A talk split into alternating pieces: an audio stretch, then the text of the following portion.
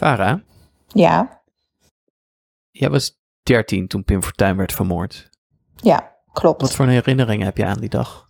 Ehm, ja, dat eh, is een dag die ik me best wel goed kan herinneren. Ik weet niet wat ik ervoor deed voordat het nieuws bekend werd. Eh, het enige wat ik weet is dat ik bij mijn familie was. En eh, we hadden gewoon een gezellige familieavond met z'n allen.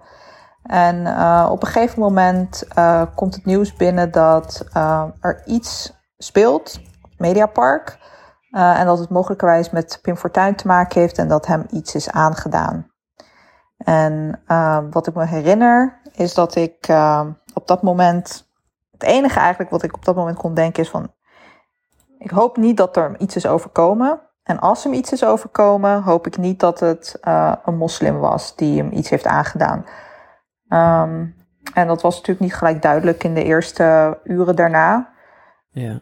Um, en je zag ook dat mensen, um, toen duidelijk werd dat hij uh, ja, was vermoord, dat mensen naar uh, Den Haag stormden en dat er protesten waren. En er hing gewoon echt een hele angstige uh, sfeer van boze burgers. En ik ja. weet nog dat ik ook dacht van shit, dit kan echt uit de hand gaan lopen. Ja, ja. Daniel, wat, wat zijn jouw, heb jij herinneringen aan die dag? Je bent twee jaar jonger dan, dan Vara en ik. Dus je was elf toen. Ik heb, ik heb geen specifieke herinnering, nee. Um, ik weet, ik heb wel een soort sfeerherinnering van die dag. En ik heb wel een soort vage herinnering van dat er ook op tv um, iets was. En ik heb ook wel een beeld van op mijn netvlies van dat mediapark in Hilversum inderdaad, waar dat gebeurde. En het doek wat er over hem heen werd gelegd. Oh ja, ja, of een soort van tent Mhm. ook omheen. Ik geloof dat ik dat op het journaal wel zag. Um, maar ik heb geen levendige herinnering aan die dag zelf. Ik weet ook niet precies waar ik was. Het was inderdaad in de avond dat het gebeurde. Ik weet wel de dag daarna dat ik het verhaal dat Wim Kok hield in reactie erop. Uh, mm-hmm. toen, toen premier toen Wim premier Kok. Wim Kok inderdaad van de Partij van de Arbeid. Um, dus dat, daar heb ik wel een soort van gevoelsherinnering aan. Dat die man, ja, die was ook uh, heel aangedaan. Zag eruit. Uh, nou ja, zijn blik, die sprak echt, uh, sprak boekdelen. Um, mm-hmm. Dus dat, dat heb ik wel in mijn hoofd. Echt een soort sfeer, sfeerherinnering, gevoelsherinnering. Um, ja, en heel heftig Ja. gewoon. Mijn familie, ik was met mijn familie, uh, we waren aan het kamperen in Italië, want het was de meivakantie en mijn moeder werkte in het onderwijs, dus we hadden Mhm. toen vakantie. En ik weet nog dat zij, mijn vader had een mobiele telefoon wel, en, maar die had hij niet de hele dag bij zich verder. En toen s'avonds, toen mm, zette hij hem even aan en er waren allemaal sms'jes en zo. En uh, toen, toen ging hij ook weg om even te bellen met, met Nederland van wat er nou gebeurd was. Ik me wel, dat, het was een heel vreemde avond. Toen gingen we ook allemaal heel vroeg naar bed. Van Mhm. helemaal ontdaan. Mijn familie was, uh, mijn, mijn, ouders waren helemaal er echt heel erg van onder de indruk natuurlijk. En helemaal, helemaal geschokt. Zo, zodanig dat we echt allemaal heel vroeg zijn gaan slapen die avond. Ja, Ja, ook omdat we niet zo goed wisten wat we nou ja, ermee, ermee moesten. Maar helemaal ver weg in Italië. het is die, het is die sfeer inderdaad die, die, die Daniel ook beschrijft, dat die mij het meest is bijgebleven. Um, en daarom ook dat je het best wel een collectief trauma kunt noemen. Je, niemand wist eigenlijk wat hij kon of moest doen in de dagen daarna. En er heerste echt zo'n sfeer van, en nu wat, weet je wel? Maar ook gewoon angst voor een burgeroorlog. Wat, wat iets is wat ik me tot op dat moment niet had kunnen voorstellen uh, in Nederland. Ja, ja, daar kan ik me echt wel, wel ook indenken. Zeker omdat je natuurlijk ook in Den Haag woonde. Mhm. Dus daar echt middenin zat. Ja. Ja, Luisteraars, op 6 mei is het 20 jaar geleden dat Pim Fortuyn werd vermoord. De eerste politieke moord in Nederland sinds die op de gebroeders de Wit in 1625. Al waren er natuurlijk aanslagen ook in de 20e eeuw, onder andere op Aad Costo, staatssecretaris van Immigratie, en op het partijcongres van de Centrumdemocraten van Hans Janmaat in de jaren 80. Sinds de moord op Fortuyn is oud-D66-politicus Els Borst ook vermoord vanwege haar politieke werk en opvattingen in 2014. Maar de moord op Fortuyn spreekt tot de verbeelding op een manier waarop de politieke moord op Borst dat kennelijk niet doet. Het is twintig jaar geleden en de herdenking van die gebeurtenis, ook nu nog, dit jaar, gaat gepaard met allerlei beschouwingen over de politieke erfenis van Fortuyn, over hoe het land veranderde, over hoe het land nog steeds onder de schaduw van die moord leeft, dat de kogel van links kwam En over de boze burger, voortdurend, die door Fortuyn aan het woord werd gelaten en door de moord opnieuw van hun stem werd beroofd. Ook al gingen talloze politici na Fortuyn natuurlijk met zijn nalatenschap aan de haal. Geert Wilders, Rita Verdonk, maar ook een hele stoet treurige en inmiddels alweer zo goed als vergeten B-figuranten, zoals Herman Heinsbroek, Hilbrand Nawijn, Winnie de Jong, Matt Herbe, Hero Brinkman, Ronald Seurissen, Rob Oudkerk, Gonnie van Oudenhalle, Jacques Monash, Ronald Plasterk, Marco Pasters en natuurlijk de onvergetelijke en altijd nog steeds aanwezige Joost Eertmans. Mhm. Het is echt een parade van meelopers en wannabes die allemaal hun kans schoon zagen en in de ruimte op rechts, zoals het werd genoemd, wilden springen. Maar voordat we beginnen met onze deep dive in een vervloekt decennium, eerst nog even hallo, zeer gewaardeerde luisteraars en kameraden. Welkom bij het Redelijke Midden, de podcast die misschien niet helemaal politiek correct is, maar tenminste wel zegt waar het op staat. um, Farah en ik zijn hier vandaag. Jullie hebben Farah al gehoord en ik ben Thijs. En de gast is Daniel, ook wel bekend van de moord op Volt. Um, meer een metaforische moord. meer een metaforische moord uh, in de Groene Amsterdammer. Stuk dat ik samen met hem schreef. Um, hallo Daniel. Hoi, leuk hier te zijn. ja, ja, leuk dat je er weer bent. Uh, ik heb er zin in. En zoals jullie het weten doen we dit seizoen wat anders, lieve luisteraars en kameraden. We ontmaskeren namelijk mythes die zo alomtegenwoordig zijn dat ze de linkse verbeeldingskracht verstikken. De onzin achter die mythes en we zetten er ook een ander denkbeeld tegenover. We hebben er al een aantal voor je gedaan in de vorige afleveringen. Uh, en we hopen natuurlijk dat je de goede boodschap blijft verkondigen. We kunnen bijvoorbeeld een betere toekomst best makkelijk betalen. Gelijke kansen bestaan niet. Praattherapie helpt niet tegen het kapitalisme. En het eeuwige gezwets over overbevolking is gevaarlijke en fascistoïde nonsens. De mythe van deze aflevering is: Pim Fortuyn kwam op voor de gewone mensen. En hoewel die mythe langzaamaan wel minder sterk aan het worden is, heeft de gedachte dat het Nederlandse rechtspopulisme iets zou willen doen voor gewone mensen heel erg lange tijd mhm. eh, en heel erg lang als een echt enorm verstikkende wurggreep en een verstikkende deken over het denken van in naam linkse partijen gehangen. Met name bij de Partij van de Arbeid, waar men ervan overtuigd was dat het een enorm deel van hun eigen achterban was kwijtgeraakt aan eerst Fortuyn en later zijn opvolgers. Ook al valt dat qua daadwerkelijke cijfers wel behoorlijk te nuanceren. En ineens moesten al die verloren kiezers bijna dwangmatig worden bediend door de media, door de politiek, uh, door al onze instituties.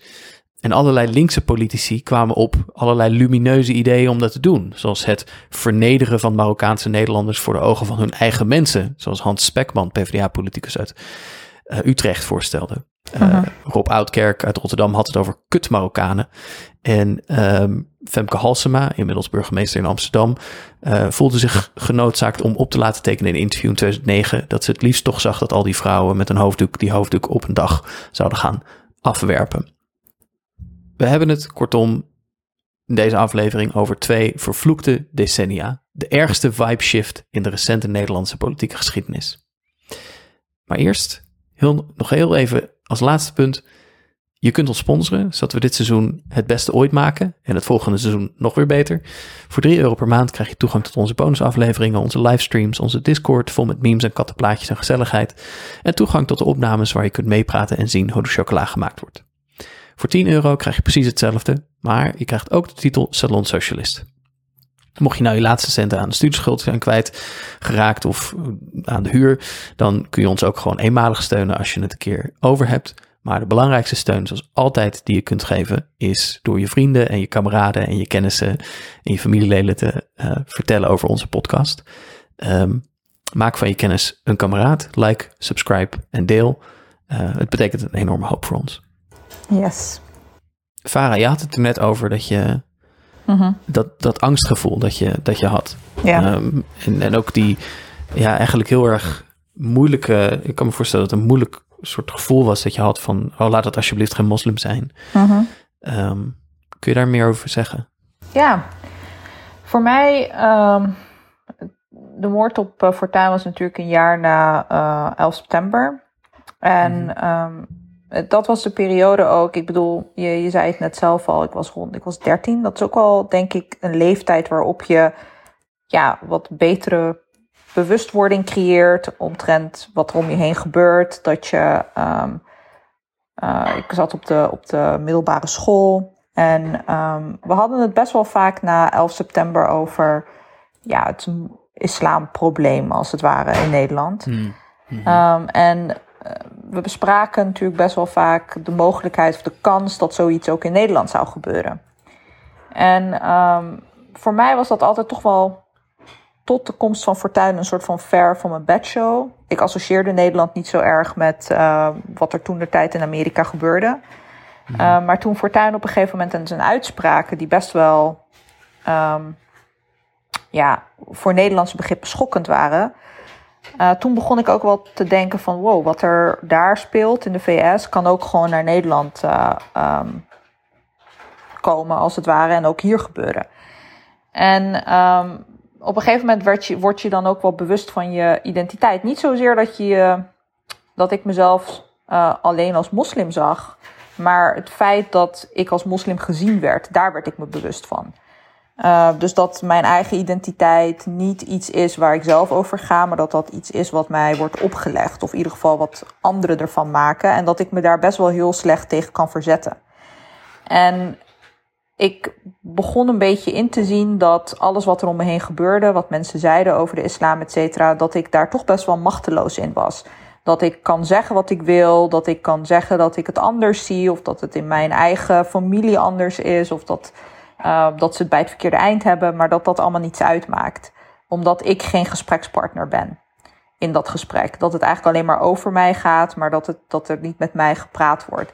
En ik denk dat dat op, op dat moment met Fortuin heel duidelijk werd voor mij. Van ik zag hem, ik was ook best wel angstig. Ik dacht ook van wat deze man zegt heeft consequenties. Iedereen luistert naar hem. En mm -hmm. uh, wat deze man zegt heeft ook consequenties voor mij persoonlijk. Um, en dat is denk ik waar voor mij zeg maar dat angstgevoel vandaan kwam. En die machteloosheid. Um, en uh, ik bedoel, er is ook veel, er is heel veel wat ik hierover kan zeggen. Omdat Pim Fortuyn en zijn politiek en, en het moment waarop hij um, uh, zeg maar echt politiek machtig werd in Nederland ook het moment werd voor mij dat ik me heel erg in politiek ging interesseren. Want ik dacht, dit is ook, dit, ik moet hier iets mee, want het is zo belangrijk voor mij en zo belangrijk voor hoe mensen mij zien.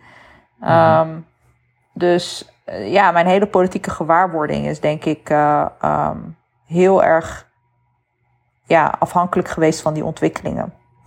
Ja. Had je het idee dat er tegengas werd gegeven tegen, tegen Fortuyn? Had je het idee dat je hem ergens, zeg maar, de, de middelen kon vinden? Mm-hmm. Of het nou, zeg maar, denkers waren of boeken of um, programma's waar, waar je ook tegengas tegen, dat, tegen die Fortuyn-revolte hoorde? Niet echt, uh, niet echt. En ook omdat het, um, dus de, het discours daarna was ook heel erg van oh, dit is iets wat je in Nederland nooit kon zeggen. En, en Fortuyn zegt yeah. tenminste waar het op staat, weet je wel. Um, en dus het, de, de, het was ook heel moeilijk om dan uh, tegengas te verwachten. Omdat de, zeg maar, de assumptie is dat die tegengas er altijd is geweest. En dat Fortuyn iets nieuws doet, weet je mhm. wel. Uh, maar wat ik me wel kan herinneren is dat er in sommige programma's... Ik keek vroeger altijd het, uh, het Lagerhuis heette het, toch? Oh, het debatprogramma. Ja, ja. Um, en daarin zaten natuurlijk ook wel. Eigenlijk vond ik dat achteraf gezien was dat echt een goed programma.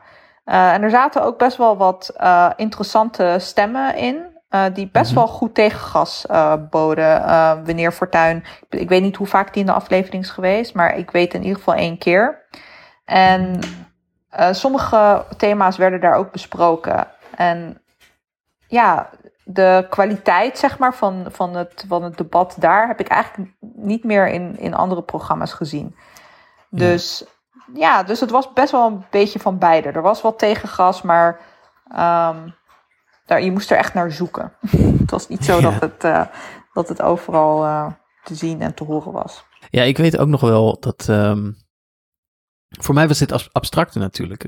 Dus voor mij persoonlijk. Ja, want dat wilde ik natuurlijk ook voor je, aan jou vragen. Van, ik, kijk, ik bespreek, ik bespreek dit heel erg vanuit mijn persoonlijke optiek. Of ook persoonlijke ervaring als uh, een Nederlander met een moslimachtergrond. Maar voor ja. jou, zeg maar, hoe, hoe, ja, hoe, hoe kwam Fortuin op jou over? Ik denk dat ik, ik zat dus echt wel in een heel andere, ik zat in een heel andere positie. Het was voor mij natuurlijk in eerste, in pla, uh, in eerste plaats abstract. Ik wist dat, Mhm. ik, ik wist zeg maar op de manier waarop je zeg maar nog redelijk kinderlijke opvattingen over dingen hebt, dat Fortuyn slecht was. Mhm. Ook voordat hij werd, natuurlijk voor, voor de moord toen in 2002, werd hij eerder al naar aanleiding van een Volkskrant interview, waarin hij onder Mhm. andere zei dat hij artikel 1 van de grondwet buiten werking wilde stellen als dat noodzakelijk was. Werd hij uit leefbaar Nederland gezet. Mhm. En eh, ik kan me ook, ik kan me dat vaag herinneren, dat mijn ouders daar opgelucht over waren. Want dat leek, dat leek althans zijn, zijn onstuitbare opmars misschien te, te, te gaan stoppen. Maar de, de indruk die ik met name in de jaren na de moord had, heb er ook. Eh, ik heb ooit toen ik 23 was een heel slecht boek geschreven. Dat heet Nederland is vervlogen droom. En dat begint met een soort persoonlijke ontboezeming. Van dat ik. Ik heb heel lang, zelf als tiener en als vroeg twintiger, mijn ouders geassocieerd met het optimisme van de paarse jaren. Mhm. Of dat nou terecht was of niet, maar dat, dat, ja goed, dat doe je dan, denk ik. Mhm. En ik had ook het gevoel dat zij, zeg maar, deel waren van een soort groep in Nederland, gematigd links, die helemaal geen, die helemaal niet wisten wat ze moesten met Fortuyn, helemaal geen antwoord hadden, op hadden. En het feit dat ze geen antwoord hadden, associeerde ik dan weer met, nou ja, misschien zit er dan toch wel iets in, in die, ehm, in die Fortuyn-revolte waar we dan goed naar moeten luisteren, of wat we serieus moeten nemen, of wat mhm. we ehm, hè, waar, waar, waar links een antwoord op moet formuleren. En het antwoord moet dan anders zijn van wat links dan kennelijk tot nu toe heeft gezegd en zo. Dat, dat ging Mhm. om de keerzijde van de multiculturele samenleving en dat soort dingen. Mhm. En eerst heb ik dat heel erg gegoten in een soort van, ging ik heel erg, dacht ik dat secularis- secularisme, Mhm. als, als, als, als de Nederlandse staat maar seculier genoeg was, dacht ik dan, dan was dat wel een oplossing voor dit soort dingen. Maar goed, dan kom je ook vrij snel achter dat dat natuurlijk een lulverhaal is. Ja. Maar ik heb zelf heel lang, denk ik, geworsteld met dat idee dat je er iets mee moest. Je moest iets met die Mhm. boze burger. En links had afgedaan. Maar ik kan me aan de andere kant dus niet herinneren dat ik heel veel... Terwijl ik wel behoefte had aan handvatten. Van oh, wat moet ik denken hierover? Mhm. Ik kan me niet herinneren dat ik dus veel tegengas ben tegengekomen tegen Fortuyn. Ik had juist het gevoel dat we heel veel mensen, Volkskrant, van, van columnisten tot, tot zeg maar Nederlandse denkers, van, Mhm. van ja, eh, Dick Pels en Hans Wansink, dat figuur had je, Mhm.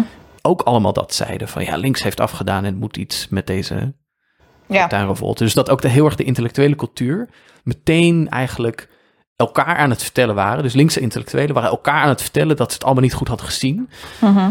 En ook elkaar helemaal eh, aan het bezweren dat we daar dus iets mee moesten en zo. En dat, was voor, dat is voor mij, dat heb ik nog steeds het gevoel van, van toen, dat, dat, dat het gevoel van, van ja, toch een beetje volwassen worden in, een, in die post-fortuin ehm, verwarring, dat dat, dat, dat was de dominante vibe. Ja. Ja. Iedereen was Ja. voortdurend tegen elkaar aan het zeggen, we moeten hier iets mee. Eh, en, en, en niemand had een antwoord. En, het, en, en als er een keer een antwoord was, dan was het altijd heel, zoiets heel pervers. Als Rob Oudkerk die dan kutte Marokkanen ging zeggen. En eh, Hans Spekman die zeg, ging zeggen dat je Marokkaanse Nederlanders moest vernederen. Eh, of, of, of Femke Halsema die dan probeerde een feministisch sausje te geven aan, eh, aan, aan het idee dat eh, moslimvrouwen misschien beter geen hoofddoek konden dragen. Mhm. Ik weet niet, Daniel, jij bent altijd een soort archief voor mij. Ehm, als het gaat om de intellectuele cultuur van Nederland in dit soort eh Ja, wat momenten. jonger ben dan jij, dus dat is ook wel weer tragisch. Ja, wrijf het er maar in. Ja. Ja, ik heb helemaal geen. eh, ik heb er geen persoonlijke herinnering aan, anders dan de nasleep. Want als we het over verzet tegen Fortuyn hebben, dan zullen de, de meeste mensen zeggen rond 2001, 2002 was het verzet enorm. Eh, Van Mhm. alle kanten. Dat is feitelijk ook wel gewoon waar, denk ik. De- ehm, ik denk dat alle partijen zich eh, niet per se geen raad wisten, denk ik, met de manier waarop hij opereerde. Heel losjes, heel flamboyant. Ehm, en dat, eh, dat ze ook wel gewoon echt eh, ja, stijgerden. En ook gewoon over de schreef gingen, in mijn, Mhm. in mijn, naar mijn mening. We hadden het eh, eerder over, de voorbespreking over Tom de Graaf, inderdaad, die de vergelijking maakte ten aanzien van, eh, van de relatie tot, tot Fortuyn en zijn, geloof ik, zijn migratiestandpunten. Dat dat weer eh, de terugkeer naar, of in ieder geval dat het, dat het hem deed denken aan het achterhuis en, en Anne Frank. Ja, Ehm, ja, hij kon de laarzen alweer hij kon de horen, laarzen alweer horen. Dus er was, nee, er was Hmm. massaal verzet. Het werd werd toen trouwens in die tijd, dat herinner ik me nog wel, dat ik dat, ik was wel, ik was, ik was elf, dus ik herinner me alleen wel de, uh, de associatie met het Vlaams uh, blok toen nog. Uh, ik geloof Vlaams. Oh ja, ja. ja. Ja, en Le Pen. En, Le Pen, en, de, de, ja. niet, ja, niet, Jean, niet Marine, Jean maar Jean, ja. Jean-Marie. En Jurk Haider ook nog. Die was in Oostenrijk toen. Van, ja, ja, ja, De Hollandse Haider. Dus dat was de associaties waren van, oh ja, nu hebben we, hebben we in Nederland eindelijk, na die cozy 90s, uh, die consensus tijd, hebben we eindelijk onze, onze eigen populist. Um, maar ik heb er geen persoonlijke uh, herinnering aan, anders dan waar we het, nou ja, een soort van een gevoelsherinnering bij, bij dat moment waar we het over hadden. Um, maar de nasleep wel heel erg. En dat, ik, ik heb het heel erg ervaren, um, zeker denk nou ja, toch best wel ruim tot in, tot in mijn twintig, uh, twintig jaar, dat je, dat je het echt als een soort denkgevangenis ziet. Weet je wel, dit is, dit is het referentiekader. En je ziet dat nog steeds. Nou, we hebben net Franse verkiezingen gehad, die nog steeds van um, de strijd, of in ieder geval de, de, de grote vraag die we moeten oplossen, is hoe in hemelsnaam krijgen we mensen nou wat minder boos? en dan gaat het altijd over ja. dezelfde groep. En daar, ja, dat is zeker links, heeft zich echt gegezeld met die vraag. Van, uh, bijna met, uit een soort schuldcomplex, inderdaad, van uh, dit moeten wij doen. Dat zie je ook inderdaad in de reacties van PvdA-politici in het verleden. Want dit moet, op die vraag moeten wij hadden, De PvdA dacht echt van, dit zijn onze kiezers. Wouter Bos, ja. Wouter Bos zei letterlijk, bij, geloof bij de begrafenisstoet die zich vormde bij de, de rond de, de auto die Fortuins lichaam uh, richting de crematorium, denk ik, vervoerde. Uh, of in ieder geval het openbare deel van zijn begrafenis, zei hij van de, de, mensen die daar stonden, dat zijn onze mensen. Um, uh-huh. dat, daar zit, in die zin zit alles. Daar zit, daar zit jaren, daarna jaren politiek in, denk ik. Jaren het idee van we moeten iets terugwinnen. Um, en daar zit het kern Terwijl dat op zichzelf ook wel weer een soort mythe was, geloof ik. Ja. Want uh, ik weet wel dat ik geloof dat de, de specifiek in Rotterdam mm-hmm. de leegloop van voormalige PvdA-kiezers naar leefbaar aanzienlijk was. Mm-hmm. Maar de lijst Pim Fortuyn, toen de, de, de, de verkiezingen die doorgingen na de moord op Fortuyn, het grootste deel van de stemmers die daarop uh, gingen stemmen, waren niet ex-PVDA. Daar zaten heel veel VVD'ers tussen. Mm Er zat natuurlijk ook een deel wel van voormalig linkse partij tussen. Maar het was ook gewoon heel veel rechtse kiezers die iets anders wilden. Ja, ik heb, volgens mij, ik heb het nog een keer uitgepluist. Je hebt dus in 2002 inderdaad ruim een derde van de VVD uh, die naar de LPF mhm. gaat. En dan een, een groot deel, ook bijna een derde, niet-stemmers. Dus dat, dat, dat, kun je ook wel echt uh-huh. afgehaakt inderdaad noemen. Gewoon mensen die doorgaans niet stemmen, maar dan blijkbaar nu toch naar die stembus worden gelokt. En dan een klein percentage richting de 10% van het CDA. Maar dan ook inderdaad wel mhm. een kwart uh, van, van gematigd linkse partijen. Um, dus het is een ja. vrij gemêleerd, het is in ruime meerderheid is het, kun je het rechts en niet stemmend noemen. En dan ja. toch wel een, uh-huh. een, redelijk deel ook wel van uh, de linkerkant. Maar het is absoluut niet een soort exodus geweest.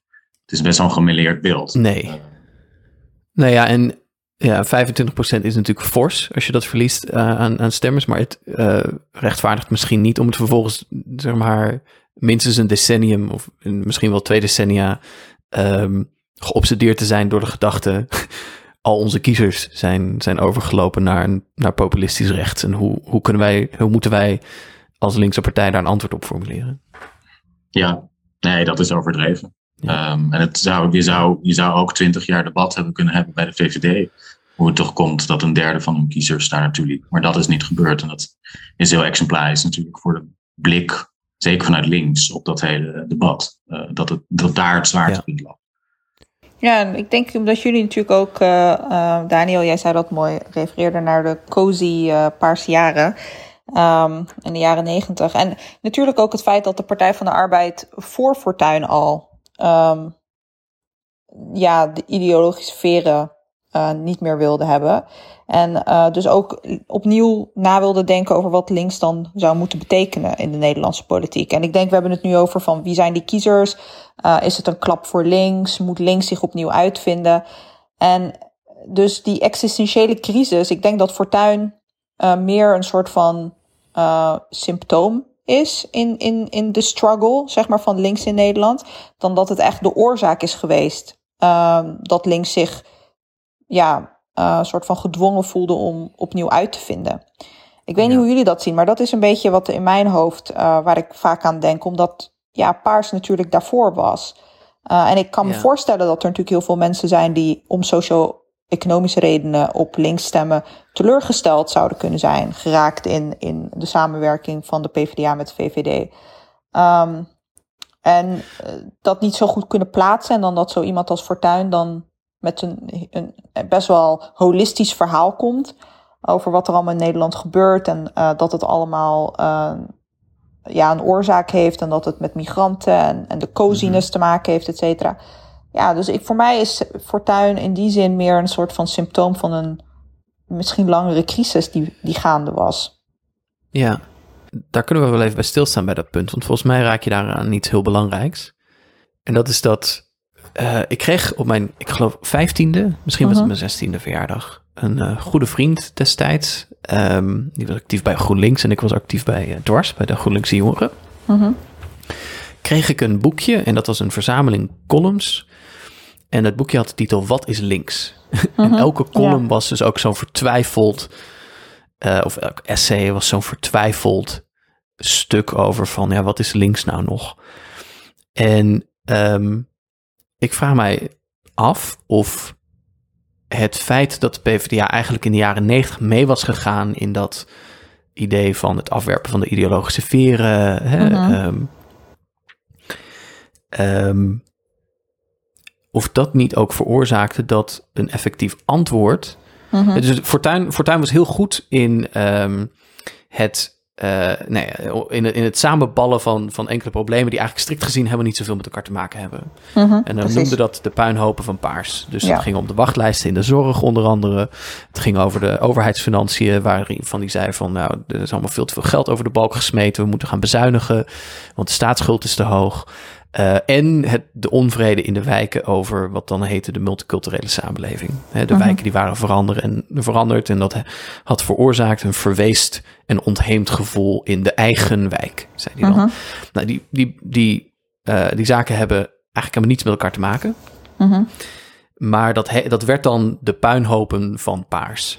En op de een of andere manier is na die moord op Fortuyn, natuurlijk omdat dat ook in de context plaatsvond van allerlei uitspraken over de islam, die heel erg werden, ja, die waren heel extreem. Mhm. Um, ook voor die tijd, ook nu vind ik ze nog steeds heel extreem. Kwam dat eigenlijk allemaal op het konto van de multiculturele samenleving. Het probleem is de multiculturele samenleving. Ja, ja. Maar goed, de PvdA had net afscheid genomen van de, uh, uh, van de sociaal-economische veren. Dus die kon daar niet een soort klassiek sociaal-economisch verhaal tegenover zetten. En Mhm. moest dus enorm op zoek naar een soort ander register. waarin ze toch dat dan kennelijk over politiek moest gaan praten. Ik heb het gevoel dat daar heel veel Mhm. van die pijn in zit. Het enige waar, waar ik altijd mee zit is dat we het beeld hebben, denk ik bij Fortuyn, dat het een soort van afwijking is van een script. Wat dan geschreven is. Ja, het idee van, dit zijn de jaren negentig, en dan plotseling gebeurt er iets. En dat, dat, dat, ja, dat stond Mhm. gewoon niet geschreven in dat script. Dat kon toch niet anders dan leiden naar van iets beters, of in ieder geval niet zo, zo iemand als Fortuyn. Uh, en daar, Mhm. ik denk dat dat ook wel, dat is trouwens echt, ik denk dat dat ook wel valt onder de categorie mythes. In die zin dat, je hebt in Nederland denk ik altijd een permanente onderstroom van, van radicaal rechtse ideeën. Gewoon sowieso best, Mhm. sowieso is Nederland een heel conservatief, best conventioneel land. Anders hadden we wel wat meer links, linkse Ja. regering gehad. Maar je kan het ook zien als, ja, als een soort van, uh, uh, dat de tijd op dat moment rijp was voor, voor dit soort politiek. Je had natuurlijk, volgens mij was Hans Goslinga de historicus die geloof ik nog steeds columns schrijft voor Trouw. Dus als we het hebben over een arch Mhm, het archief van ja, Nederland, ja. dan is dat Hans Goslinga. Mhm. Maar die zei het van, ja, Fortuyn bracht dus twee dingen bij elkaar. Eén, hij had het over de verweesde samenleving als een soort uiting van nostalgie naar de, de verzuiling, weet je wel, nog weet je wat, wat Mhm. dat, dat, dat na, nabijheidsgevoel. En tegelijkertijd was hij de ultieme individualisering um, belichaam die dat ook wel zelf. Uh, gaf hij ook daar uiting aan. Ja. Weet je wel, uh, er komen, misschien komen we daar straks nog op, ook zijn sociaal-economische opvattingen die daar heel erg mee samenhangen. Maar echt een soort idee van, uh, nou ja, je, je, je vaart in je eigen bootje. Ja, dat is een beetje. Ja. Een, eh, Ja. Dus dat, dat idee, dat verenigt. Ik denk dat dat in 2002 dat dat dan bij elkaar komt en dat het een soort perfect storm wordt voor een deel. Hij heeft niet 80 zetels gehaald, hè? Laten, we, laten we het wel wissen. Ehm, Nee. Maar wel, Ja. wel een verschuiving en dan daarna zeker een denken teweeg brengt. Ehm, maar daar, dat zit, daar zit ik altijd in mijn hoofd. Zeker hoe ik nu naar politiek probeer te kijken. Van ja, is het nou een. weet je, Als je, als je het dus ziet als afwijking van een, van een soort progressief script. Wat mensen misschien inderdaad rond Mhm. eeuwwisseling in hun hoofd hebben. Dan is het bijna niet te begrijpen. Dan is het gewoon een soort van. Mm. Ja, dan word je ad. Ja. Dan weet je gewoon niet van wat, wat is hier aan de hand. Wat, Wat je moet doen. Moet Ja. Ja. Ja. en ik denk dat we nu op het punt zijn dat we daar wat, denk ik, wel wat helderder. eh, en ik hoop ook minder, minder sentimenteel. eh is dat ook Mhm. weer lastig als je alle podcasts en tv's, eh, zelfs een tv-serie. eh, en alle, alle talkshows hoort waarin er echt wordt getamboureerd op dit thema. Alsof we. Alsof er een soort van, alsof we aan, eh, nou ja, collectieve trauma inderdaad, alsof we gezamenlijk hier op de bank Ja. liggen. Om nog een keer dit verhaal te vertellen zoals het altijd al zoals het altijd verteld moet worden. Ik denk dat we daar op het moment Ja. van moeten we er langzaam wel, hoop ik, uh, voorbij kunnen. En een beetje die, die mythes gaan uh, ontkrachten. Ja. ja, maar hij was natuurlijk ook. Er, er zit. um, het is ook zo'n. Zijn eigen wereldbeeld is ook zo'n enorm raar samenraapsel. Hè? Hij, hij, hij, hij hij had zelf een heel rare intellectuele carrière. Waarin hij ooit in de jaren 70 en 80, geloof ik. wilde hij graag bij de Communistische Partij. En um, toen is hij later daarvan van afgedreven. Um, maar zijn, zijn, zijn politieke agenda was ook een soort heel erg raar samenraapsel van allerlei invloeden. Weet je, dat hij tegelijkertijd wilde hij echt, hij wilde kaart bezuinigen, want de staatsschuld moest terug. En hij wilde um, werkloosheidsuitkering uh, gaan aanpakken en dat allemaal gaan soberder maken, want dat vond hij ook allemaal niks. Um, echt een soort VVD-achtig programma. En dan had hij het ook in boeken als De Verwezen Samenleving had hij hele passages over dat we geen vaders meer hebben. En dat we, weet je, dat, dat het hele grote, dat het probleem was met de samenleving dat, dat het idee van een soort vaderfiguur ontbrak. Zowel op het microniveau in het gezin en in het sociale leven, als meer op een soort maatschappelijk niveau van uh, de, het vaderlijke gezag van, van politici. Uh -huh. Een heel conservatief idee. Of ja. natuurlijk een idee dat nu nog steeds enorm opgeld doet in, uh, in allerlei um, radicaal rechtse kringen. Um, um, misschien is het probleem ook wel een beetje dat we, dat we, maar dat er heel lange tijd geprobeerd, uh, men heeft geprobeerd om te, te spreken over de fortu het fortuinmoment als een soort coherente, uh, coherente transformatie van de Nederlandse politiek. Alsof daar een soort ideologische schifting heeft plaatsgevonden die coherent was en niet dat Fortuyn zelf natuurlijk een heel vreemde figuur was met allerlei, met een heel uitgesproken in, politieke stijl, heel, heel excentriek en flamboyant en heel anders dan al die saaie, uh, saaie politici van de middenpartijen. Um, dat, is wel, dat is wel een interessant punt, want dan zeg je, het, wat er ook daarna kwam was echt een soort authenticiteitscultus. Ik, ik heb daar zelf niet, ja. was, ik zat op de middelbare school, dus, dus ik heb de stukken later een beetje soms teruggelezen, maar de obsessie met uh, met, ja, met hoe je inderdaad overkomt, hangt ook direct samen, denk ik, met het feit dat Fortuyn daarna werd gedepolitiseerd. Zeker die sociaal-economische opvattingen, ja. die worden nu heel goed, um, nou ja, die worden onderzocht, onder andere door uh, historicus Marijn Oudenamste. Um, ja. Dus je hebt... Een van, een van de belangrijkste historici op het, uh, in het, over het neoliberalisme in Nederland, ja. Marijn uh. Uh, er komt een boek van hem uit dit voorjaar, deze zomer, met Bram Mellink. Uh, neoliberalisme, een Nederlandse geschiedenis. Uh, Bram Mellink ook een onderzoeker op het gebied van neoliberalisme. Geweldig. Ja. Even een shout-out, want, want wij, wij leunen wel eens op, op het werk van, uh, van Oudenamse en Mellink, ook in deze podcast. Dus het is altijd wel netjes om dat even te noemen.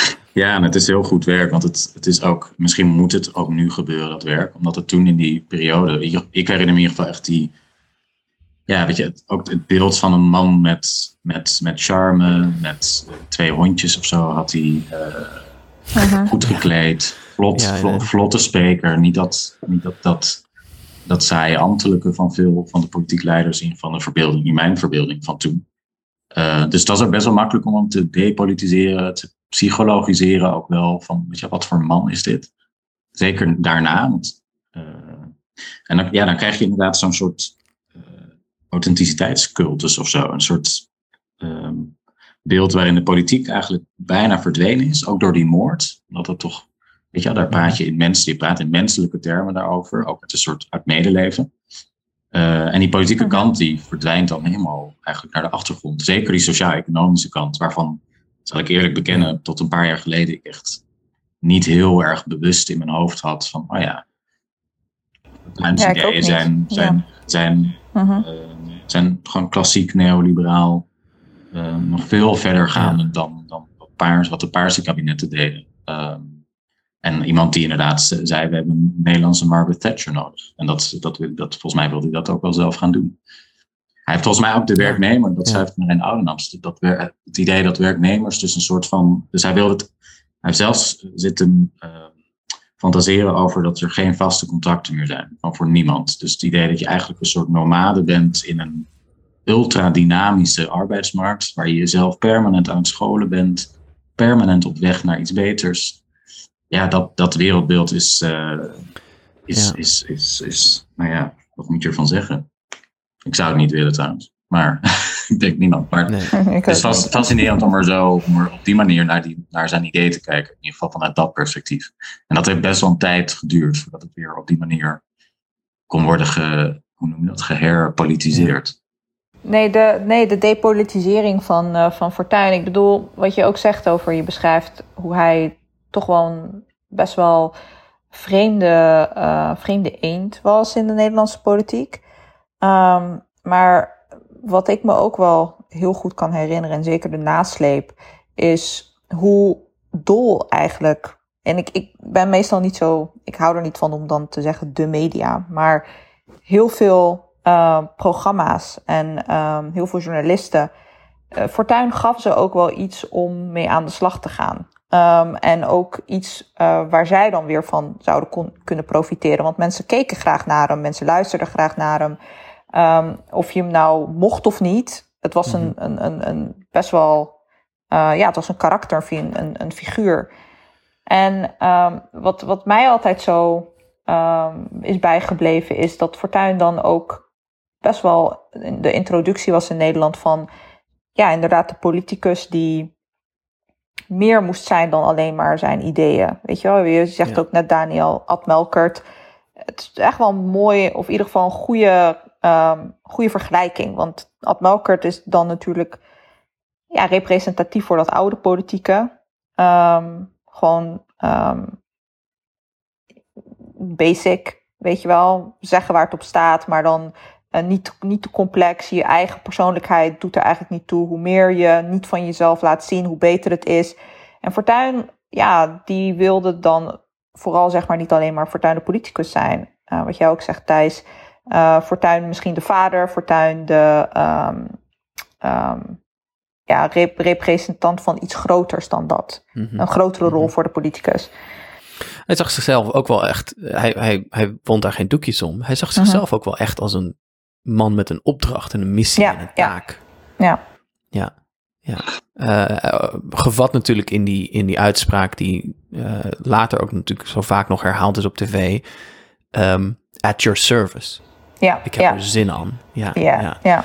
Um, wat toen ik heel even um, ben natuurlijk ook een beetje gaan zitten grasduinen en zo. Mm -hmm. er is natuurlijk na die moord ook mm -hmm. om Fortuyn een plek te geven in dat Nederlandse landschap.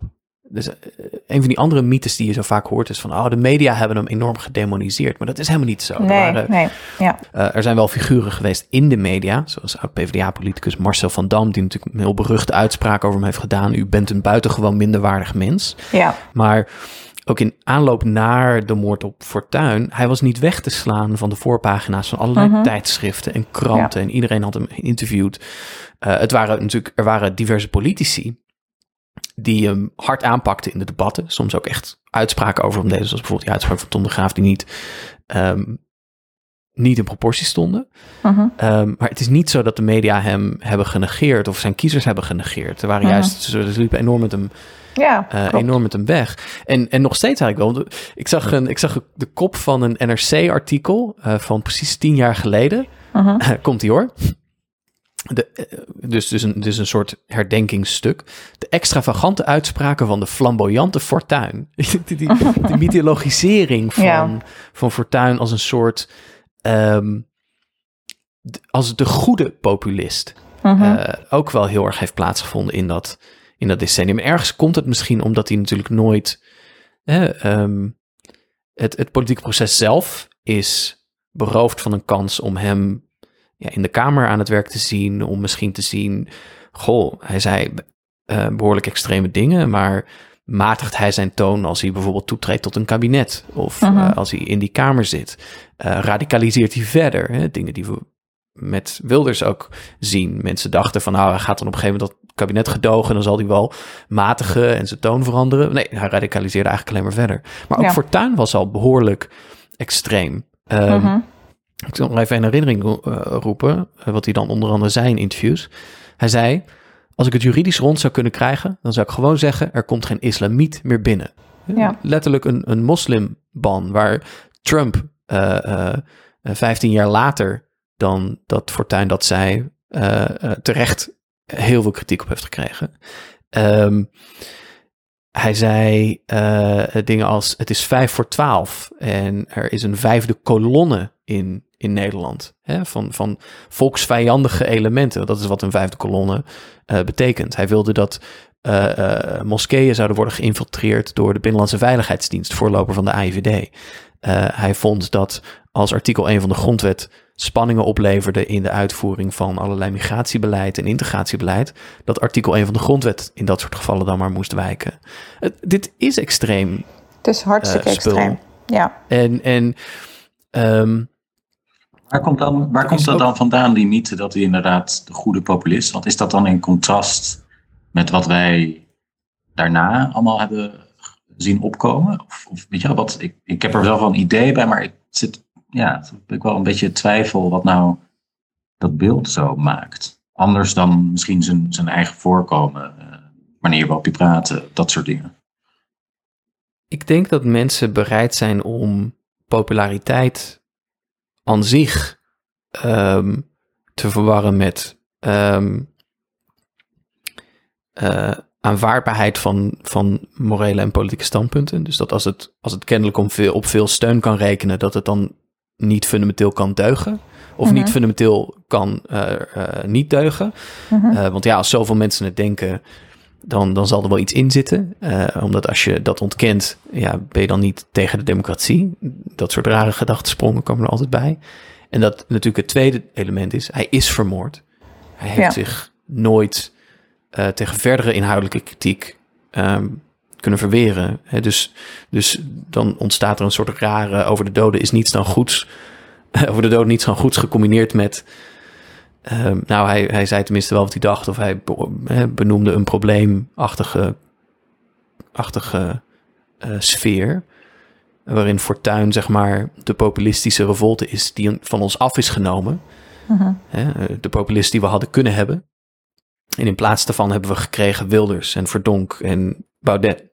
eh, eh, stuk voor stuk extremere versies van, van Fortuin. Ja. Ja, ja weet je wat je ook net, eh, net beschrijft, Thijs. Ehm, voor mij, ehm, ik weet nog, eh, we, we hebben het natuurlijk aan het begin van de eh, aflevering gehad over een soort van wat, wat ons is bijgebleven. Maar die, die uitspraak die hij deed in de Volkskrant, Mhm. eh, over dat ehm, je eigenlijk gewoon dat hele discriminatie, weet je wel, dat dat een probleem is en dat dat de vrijheid van meningsuiting inperkt en dat we daar eigenlijk gewoon van af moeten. En wat je ook net zelf beschrijft, van als, als hij het juridisch rond kon krijgen, zou hij willen dat er geen enkele moslim meer in Nederland binnenkwam. Fortuyn was in die zin ook wel ehm, degene die het aandurfde om ook echt dit soort uitspraken te doen over onze eh, rechtsstaat in Nederland.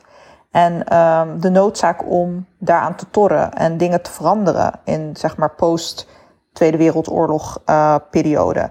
En da- dat, is, dat is ook zeg maar een deel geweest van de angst die. ehm, ja, want we hebben natuurlijk allemaal op de middelbare school geleerd over de Tweede Wereldoorlog. En dat de rechtsstaat eigenlijk een beetje het de defense mechanism is geworden eh, tegen zeg maar, het herhalen van dat soort ehm, Ja. dingen, weet je wel? En dat er dan een politicus is die dan gewoon, ja, zonder schaamte zegt van ik, ik ben eigenlijk daarop tegen. En het is eigenlijk een belemmering voor ons. Een belemmering voor, uh, voor mijn politiek denken. Ja, dat was, dat was heel angstig. En ik denk dat daarna, ik bedoel, ik weet niet, eh, natuurlijk Baudet en, en, en uh, Forum is nu natuurlijk uh, duidelijk fascistisch en, en die schamen zich daar niet, die schamen zich niet om dat te uiten. Maar hij is toch wel een van de eerste geweest, denk ik, die, uh, die daar zo openlijk um, eerlijk over is geweest. Dat hij dat zou willen veranderen als het kon. Ja. En het ook dat in, in, in zekere zin is, is zijn dood, is de moord op Fortuin gaan functioneren als een ultiem moreel argument tegen die kritiek ook. Hè? Dus um, uh -huh. wat je in die jaren heel vaak hoorde is als dan mensen kritiek, um, dus steeds islamkritiek gingen bedrijven of extreme standpunten innamen. Uh -huh.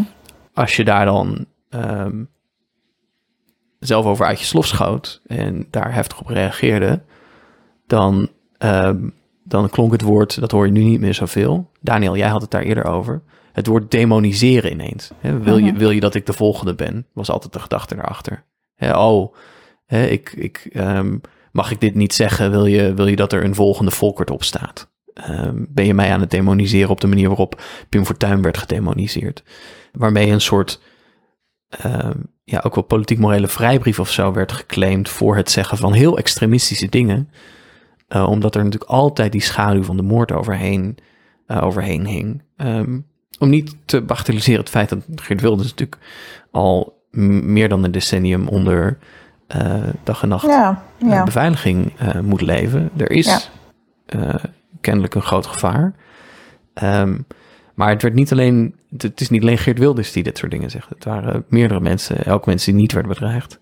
En dus um, er is, het, het, het debat is ook verder naar radicaal rechts en extreem rechts geduwd. Met dat argument van, oh ja. Ik denk dat je hier ook, hier kom je ook wel bij links weer aan. Omdat je daarna, mm -hmm. ik denk dat daarna, zeker in het, ik heb dat ook wel in persoonlijke gesprekken hierover, of politieke gesprekken gemerkt dat je het inderdaad heel moeilijk is om het politiek te maken. Uh, en op het moment dat je dat doet, inderdaad, dat je zoiets krijgt als, ik niet persoonlijk, maar wel dat je dat, uh, nou ja, getuige bent van zoiets als, uh, hij is toch vermoord, of misschien nog wel hardnekkiger, ook wel dat standpunt waarin het, ja, toch wel vanuit een soort realisme werd bezien. Ehm, dus het -huh. idee, zeker ten aanzien van, van het integratiedebat, waar we, uh -huh. um, dat daar uh, perspectief werd ingenomen nadat je de dingen kunt zien zoals ze zijn, of de dingen niet kunt zien zoals ze zijn. Dus ofwel. Benoemen. Ja, dus ja. ofwel je, je hebt ja. je, de, de rauwe realiteit voor ogen en totaal ontdaan van een ideologische blik. Of je ziet dat niet en je bent een, um, zoals dat ook een term was die toen begon uh, te worden gebruikt, een wegkijker. Uh, en dat, ja. dat is dus, en daarmee haal je dus ook de angel uit die, nou ja, niet, ja, misschien wel, je haalt in ieder geval de ideologische angel eruit. Want je kan niet meer op ideologische gronden dat gesprek daarover voeren. Het is eigenlijk al bepaald. Het is nu alleen de vraag hoe ja. ga je dat precies doen. En links heeft heel lang, uh, tot op de dag van vandaag, geprobeerd te imiteren of uh, een betere versie te bedenken. Uh, je kreeg ook, dat is ook echt een fascinerende episode in de in, onze, in de nasleep van Fortuyn de poging om een soort nationalistische variant te bedenken voor, voor rechts, dus op links. Bos heeft het geloof ik gehad over 2008 of 2007 over progressief nationalisme. Stond dan uh, op oh, ja. dan werd hij teruggefloten door zijn partij dat nationalisme niet echt de juiste term was. En toen maakte hij er progressief patriotisme van. Nou, een semantische discussie, oh, ja. gaan we nergens op. Ja. Dat, is, dat is daarna zo vaak geprobeerd om inderdaad dan, ja, als je die discussie niet kan winnen, weet je wel, join them. Maar dan met een klein uh, ja. links laagje of zo over. Ja, ik, ik, uh, ik wil toch even mijn theorie van de gloeilamp hierin uh, weer, afstoffen. links is namelijk heel lang, heeft links op zich denk ik wel terecht ge, ge, de, de, de, vastgesteld dat er het ontbreekt aan allerlei samenhorigheidsgevoel en gevoelens van maatschappelijkheid en um, uh, van, van verbondenheid tussen mensen en al dat soort dingen.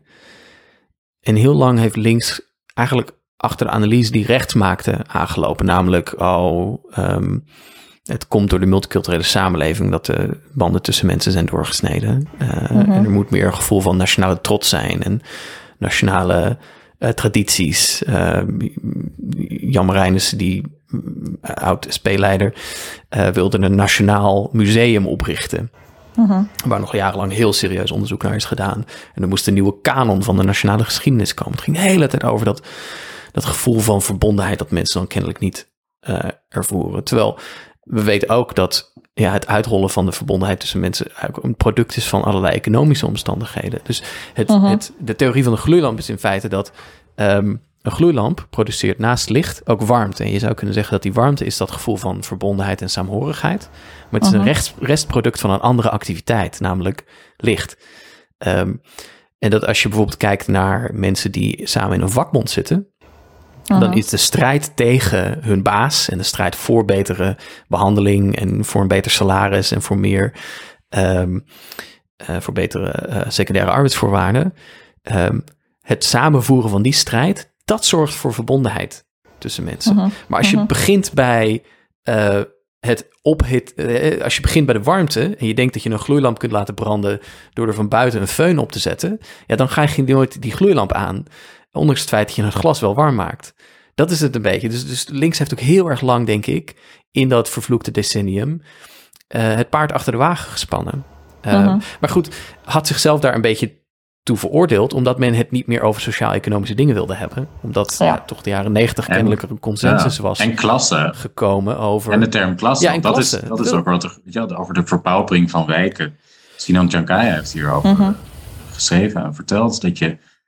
ehm, nou ja, dat vaak ook migranten inderdaad rond die tijd. Inmiddels zijn we al zoveel verder, dus het voelt ook weer als een soort verouderd debat. Maar in wijken kwamen die eh, al wat goedkoper waren, waar het wat minder, in ieder geval wat minder zorg voor die wijken was. Ehm, en dat er vervolgens werd gewezen, zie je wel, eh, dit zijn slechte wijken. Ehm, en nog het Ja. element daarbij van, ja, dat je inderdaad mensen eigenlijk eh, wat rechts eh, deed, langs culturele lijnen ook tegenover elkaar uitspeelt. Ehm, Ja, dus, ja. Maar, maar mensen vergeten, we hebben, het, we, hebben het, we hebben nu sinds vijf jaar hebben we het weer een beetje over klassen in sociaal-economische zin. Maar het is gewoon ruim een decennia is het nooit over klassen gegaan. Nee. Niet in sociaal-economische zin althans. Mhm. Altijd langs die culturalistische band, waar rechts Ja. altijd won. Want rechts Ja. kon zich altijd opstellen van, ja, wij, wij spreken voor de gewone man. Ja, En, En, het, en omdat het nooit, het klas komen- 2 kabel, het is ook nooit over kapitalisme gegaan, althans heel weinig. Ik heb voor de lol Ja. nog even uitgezocht, even side note, hoe vaak het woord kapitalisme in kamerdebatten is genoemd de afgelopen twaalf zo ongeveer jaar. Ten opzichte van de term van het woord democratie. Je, als je een economisch systeem en bestuursvorm, en dan woord democratie komt iets van 3500 keer voor.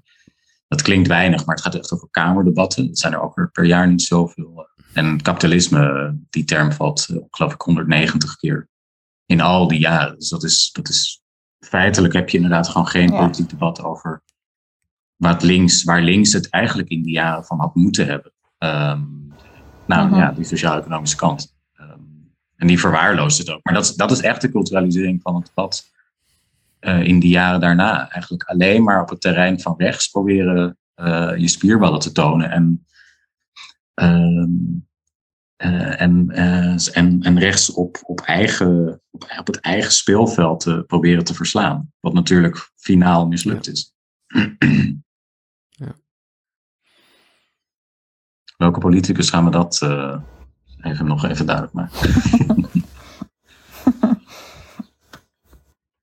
En dat is natuurlijk ook iets dat al sinds eh, voor een langere tijd speelde. Hè? Ehm, DJ eh Eribon in Terug naar Rijms schrijft daar heel mooi over in Frankrijk. Ik wacht nog steeds op echt een boek wat dat voor Nederland eh, ook doet. Geweldig boek. Ehm, ja. ja. Ja, maar dan niet Ewalds Engelen, eh Ewald het is klasse, niet identiteit, Suffie. Want dat is dan, dat, dat projecteert hij dan weer dus totaal op de verkeerde. Ja, verkeerde. So close. ja. Ehm, Heb jij nog een slotgedachte thuis? ik moet zeggen dat, we hebben er een aflevering over gemaakt. En ehm, ik denk dat je altijd kunt blijven praten over je eigen trauma's. Ja. Mhm. Ik denk wel, het klinkt misschien heel raar, maar ik denk wel dat ik, ondanks het feit dat ik natuurlijk helemaal niks, geen skin in the game had hier, ervaren wel het er aan het begin over, Mhm. toch hierdoor wel politiek getraumatiseerd ben en heel lang op zoek ben geweest. Daniel kan daar ook in een bonus misschien ooit nog eens een keer wat grappige dingen over zeggen. Heel lang op zoek ben geweest Veel, naar mijn eigen veel identiteit. verhalen, veel verhalen. Ehm, maar dat ik dus eigenlijk heel erg optimistisch ben. Dus eh, nu voor, ehm, als ik zie dat hoe, hoe mensen eh, tien jaar jonger dan ik eh, tot hun politieke identiteit komen. Ja. dan is een stuk robuuster en een stuk prettiger. Ehm, ze hebben misschien ook meer eh, intellectuele en, en ze, ze hebben ook meer eh, handvatten. Ze hebben, ze hebben Ja. meer resources. Ehm, Een platform, wat wij niet hadden. wat wij niet hadden. Dus in die zin ben ik misschien ook wel een beetje jaloers. Maar Mhm. ehm, het, is echt, het was echt een vervloekt... het, is het was een vervloekt decennium. Echt hele slechte vibes. Ja. Ehm, ja, en eh, ja, misschien, misschien Fortuyn is 20 jaar dood. Maar misschien moeten we hem toch eindelijk een keer echt laten rusten. Ja, volgens mij is het de hoogste tijd Ja. om het, eh, dat fortuintrauma, om daar eens een keer mee af te rekenen. Klaar. Klaar. Afgesloten hoofdstuk. Mooi. Nou, dan bij deze eh, eh, afgesproken. Eh, we hebben het er niet meer over. Doe me een beetje denken aan dat eh, speldartikel van... eh eh, ken, ken je dat speldartikel van eh, Paul Scheffer eh, rond integratiedebat al? Nee, maar ik kan me, Kan maar. dat kan me even voorstellen. Ik zal het even... Nu al geweldig. Oh, natuurlijk. Eh, We zullen dit in de show notes stoppen, maar het is een speldartikel, echt een heel vroeg speldartikel, eh, wat ongeveer zo gaat als eh, eh, Paul Scheffer heeft gisteren in de Bali het, eh, eh, het multiculturalisme debat afgerond met de zin, ja, goed, daarmee heeft u eigenlijk ook wel weer een punt. Het wordt echt heel erg, heel erg grappig, waar ook een diep verlangen ehm, uitspreekt van, eh, om, om het er eindelijk een keer niet... eh, niet meer. Oh ja, wacht even, ik heb het hier. Ik zal het, ik zal het voorlezen. Eh, de speld, 2011. Multiculturele discussie officieel afgerond. In Veenendaal is gistermiddag de maatschappelijke discussie over de multiculturele samenleving afgerond. Met de woorden, ja, daar heb je misschien ook alweer gelijk in, maakt publicist Paul Scheffer officieel een einde aan het oeverloze debat in Nederland ruim 11 jaar in zijn leven. Heerlijk. Meer dan 50 publicisten en columnisten waren op Ibis in Veenendaal gekomen om nog een laatste keer te debatteren over de multiculturele samenleving. ja. Ja. Fantastisch. ja, we zullen deze. eh, dit is dan eh, in eh, ter, ter eh, eh, als alternatief voor het redelijke midden van deze week. Want dit is echt, eh, dit is echt een speld Een klassieker, ja. ja. Goed. ik word helemaal. Het is toch leuk, want ik word er vrolijk van zelf ook. Om een aflevering die toch ook wel weer zo'n toch wel een sombere toon, Ja, vermoeide toon ook had. Om het dan toch, eh, toch fijn zo af te kunnen ronden. Ehm, en lieve luisteraar, zeer geëerde, zeer gewaardeerde kameraad. Ehm Dank je wel dat we weer tijd met je hebben mogen doorbrengen. En dat jij ook tijd met ons hebt willen doorbrengen. Ehm, zonder jullie is er geen redelijke midden. En we zijn dus echt ongelooflijk dankbaar voor jullie. Al onze bronnen, inclusief dat artikel van de speld, kun je terugvinden in de show notes op onze website, hetredelijkemidden.nl. Mocht je in het bijzonder hebben genoten van deze aflevering, deel hem dan met je geliefden, met je vrienden, met je familie, collega's, je kameraden en je neef die aan padel doet. Eh, je kunt ons steunen op petje.af slash het redelijke midden. Eh, dat kan met een eenmalige bijdrage. Of je kunt kameraad of salonsocialist worden, waarin je maandelijks ons een bedrag geeft. Eh, je kunt ons ook volgen, nog steeds op twitter.com, zolang die website in de lucht blijft. Op twitter.com slash redelijke midden. En Instagram, instagram.com slash redelijke midden. Vragen, complimentjes, memes, ideeën voor nieuwe afleveringen of commentaar kun je ons sturen via de mail naar hetredelijkemidden.gmail.com. Uh, Farah kun je volgen op @farahmbazi. Daniel kun je vinden op Twitter op Daniel Boomsma. En mij kun je vinden op Klempasse Thijs. Um, heel erg bedankt nogmaals voor het luisteren. En tot de volgende keer. Doei. Leuk. Soepel, joh.